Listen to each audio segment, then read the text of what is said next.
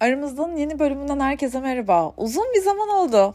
Hep de uzun bir zaman oldu diyorum ha. Yani sanki ilk defa yapmışım gibi bunu. Ne yapayım bazen insanın bazen değil bir yerden sonra insanı anlatacak çok şeyi olmuyor ya. Gitgide içime kapanıyorum ben de.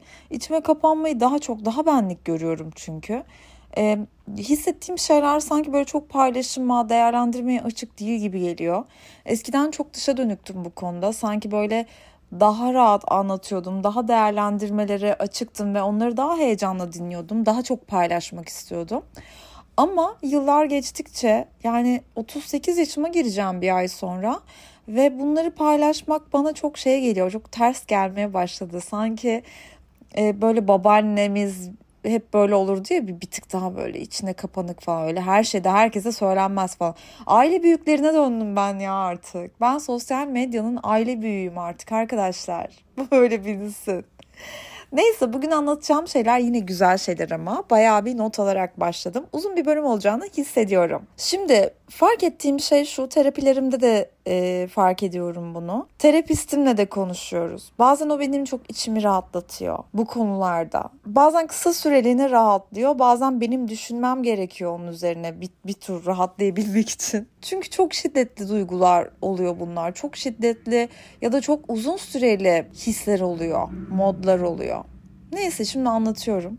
Hayatımın sanki duraklama ve değerlendirme dönemindeyim gibi geliyor. Açacağım bunu. Bir duraklama, bir durup düşünme, bir durup sindirme döneminde gibi hissediyorum. Ama evren de hareketi sever biliyorum. Bunu herkes söylüyor ve ben de çok inanıyorum buna aslında.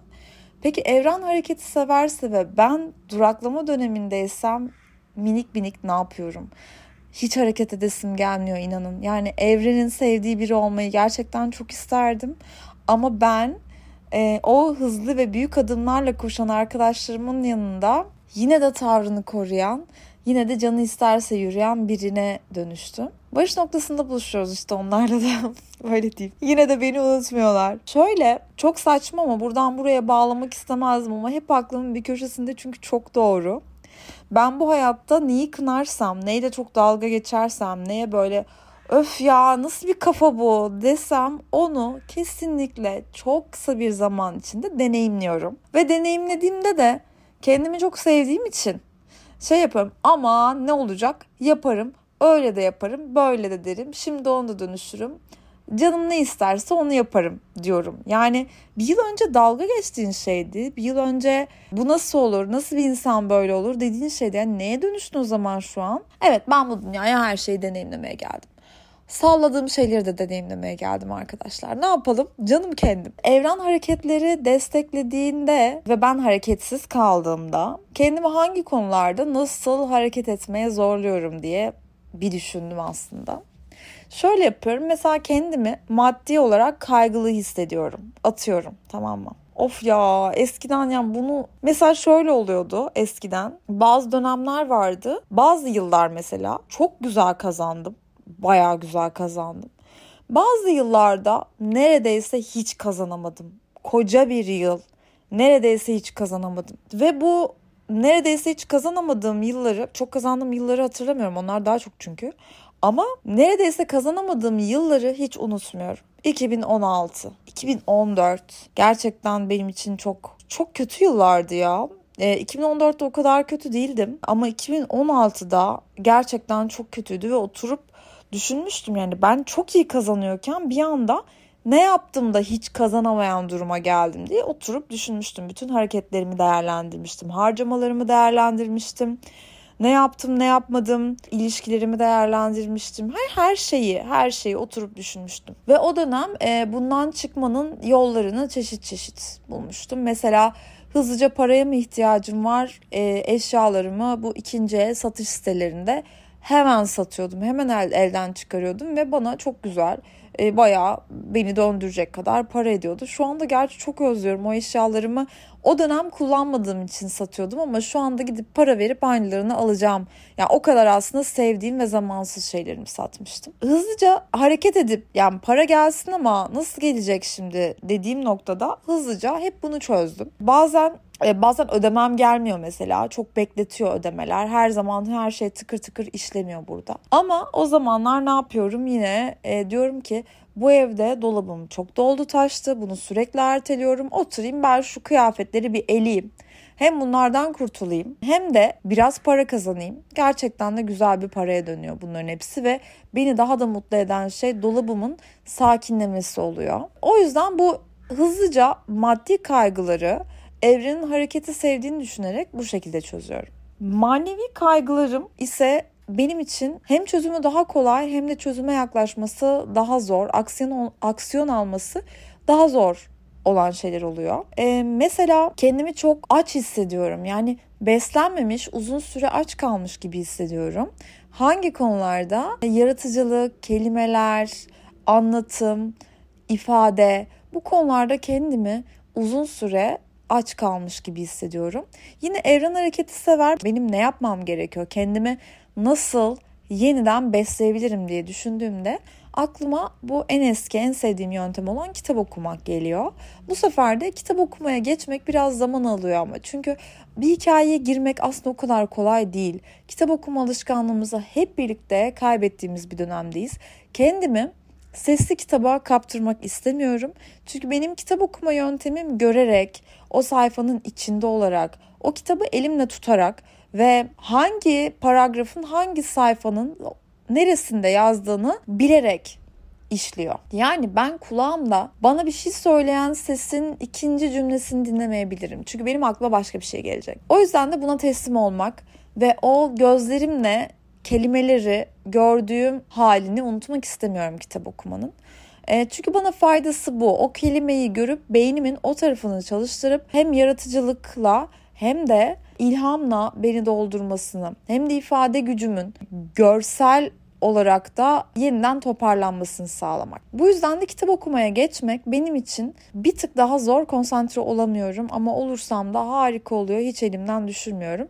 Kitap okumanın benim için kötü tarafı da şu. Kitap benim için bırakamadığım, hayatımı o kahramanla sürdürdüğüm bir şey. Maalesef kitabın içinden, hikayenin içinden çıkamıyorum. Çıkamadığımda da gece uyurken de onu düşünüyorum. Sabah uyandığımda da onu düşünüyorum. Dışarıda da onu düşünüyorum. Her boş kaldığım anda kitabı düşünüyorum. Dolayısıyla benim başka bir şey yapmaya zamanım kalmıyor. Ama ben aslında bölünmesi gereken bir insanım.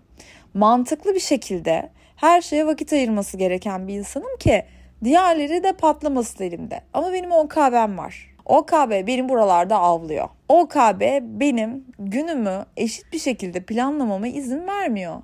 Çünkü takıyorum yani o kitaptayım o an oradan çıkamıyorum. Elim sadece ona gidiyor. Aklım, zihnim, her şeyim ona gidiyor. Asla televizyon açıp bir şey izlemek istemiyorum. Ya da bir şey izlediğim zaman sadece o bir şeyi izlemek istiyorum falan. Neyse manevi olarak da evrenin hareketi sevdiğini düşünerek yaptığım şey kitaba yönelmek.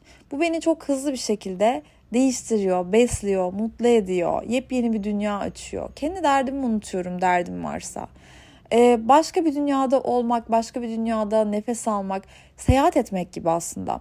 Seyahat edince de benim en sevdiğim şey gidip oranın en lüks restoranında diğer Japon turistlerle karşılıklı kahve içmek değil. Oradaki insanların hayatlarını, dünyada başka ihtimallerinde var olduğunu görmek. Seyahat etmek bu demek benim için. Başka sokaklarda başka insanlar neler giyiyor, neler yiyor, neler içiyor, saat kaçta ne içiyorlar, en çok ne siparişi veriliyor. İnsanlar eğlenirken başkalarıyla mı ilgili yoksa hiç etrafına bakmıyorlar mı?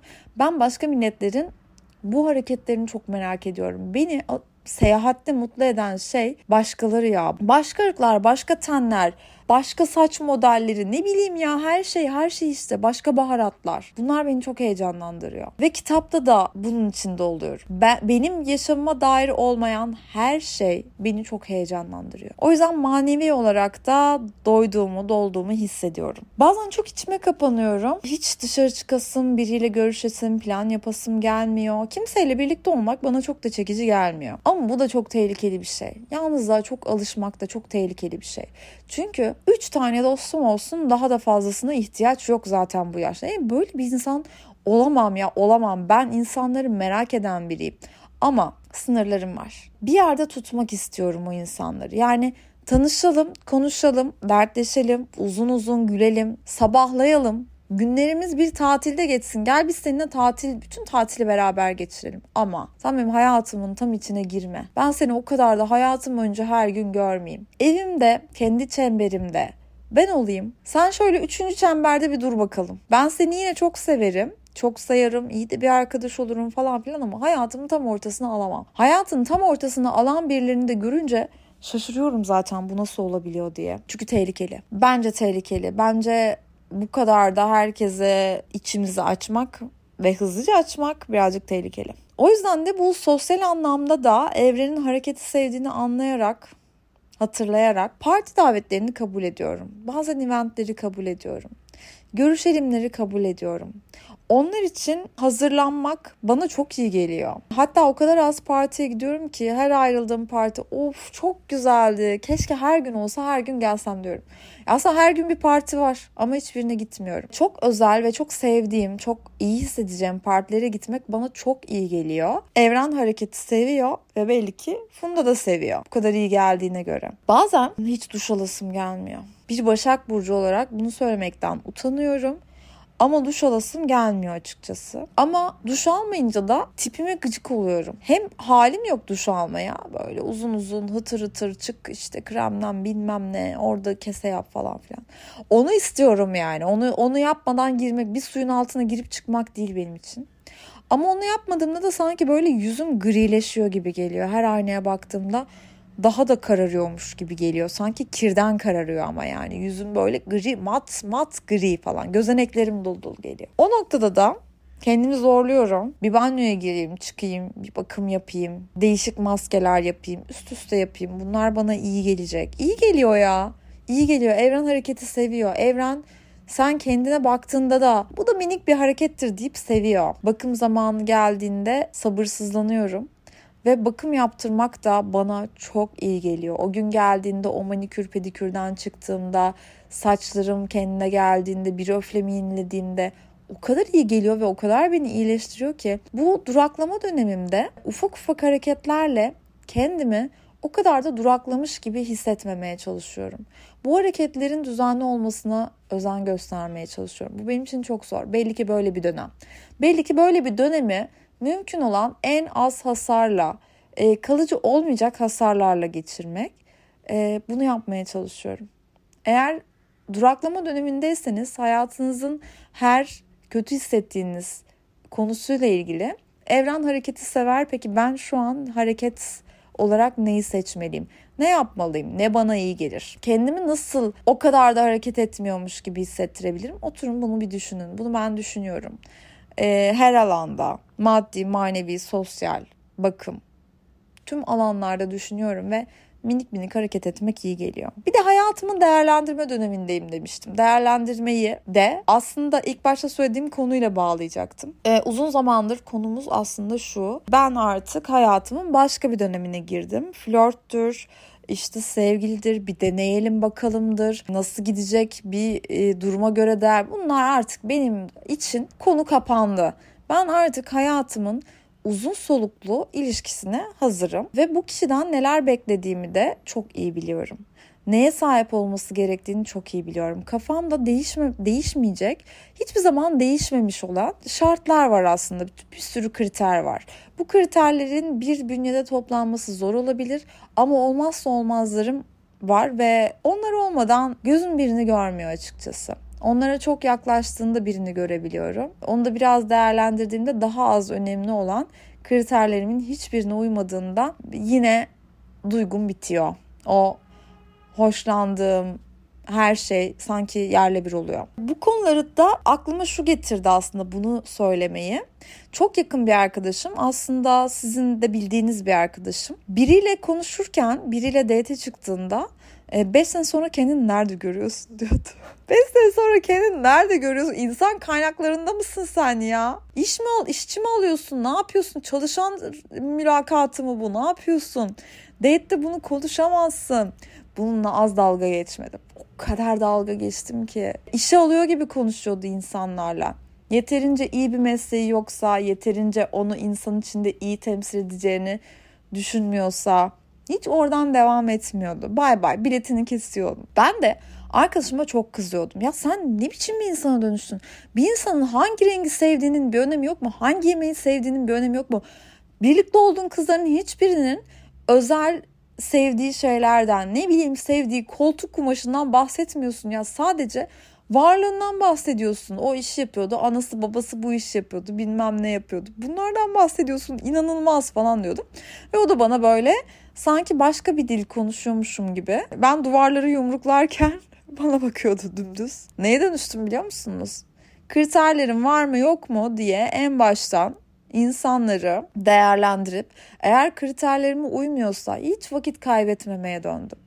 Ee, ben bu hayatta Jüpiter retro olarak hızlıca neyi kınıyorsam onu yaşıyorum. Onu yaşayacağım bir olayın içinde oluyorum ve onu haklı olarak yaşıyorum. Dolayısıyla bunu yapan insanlara da hak veriyor oluyorum. Yani neyi eleştirsem günün birinde çok da zaman geçmeden ona hak veriyorum. Şu anda da öyle mesela. Oturuyorum mesela işte birin biriyle flörtleşmek üzere miyim? Eskiden olsa of asla düşünmem. Flörtleşirim çünkü hani şey derim evet kriterlerim farklı ama benim bundan alacağım çok farklı bir şey olabilir. Benim bundan öğreneceğim başka bir şey var aslında.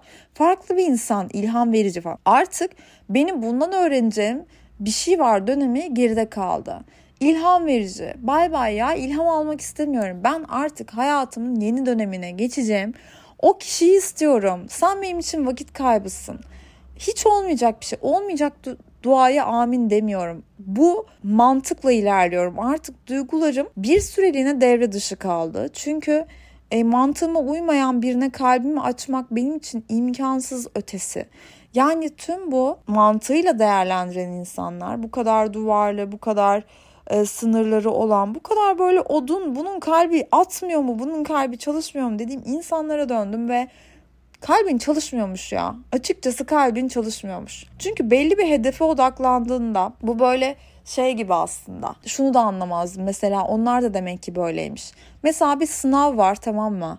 Ya da bir yarış var. Eskiden böyle yarışçı bir sevgilim vardı. Bir yarış var ve hayattaki her şeyi yok ediyor. Yani her şeye karşı hislerini yok ediyor. E, ve sadece ona odaklanıyor. Çünkü kafasında bir hedef var ve kalbin o hedefin yolunda yeri yok. Kalbe ve duygulara dair her şey kapıda kalıyor ve sadece hedefe odaklanıyor. Ve ben buna çok şaşırırdım. Nasıl ya? Beni beni hiç mi düşünmüyorsun? Hiç mi aklına gelmiyor? Gelmiyormuş ya. Hiç kimse aklına gelmiyormuş. Senin bir hedefin olduğunda bu hedefe ulaşmanı engelleyecek olan böyle irili ufaklı taşlar gibi geliyor herkes sana.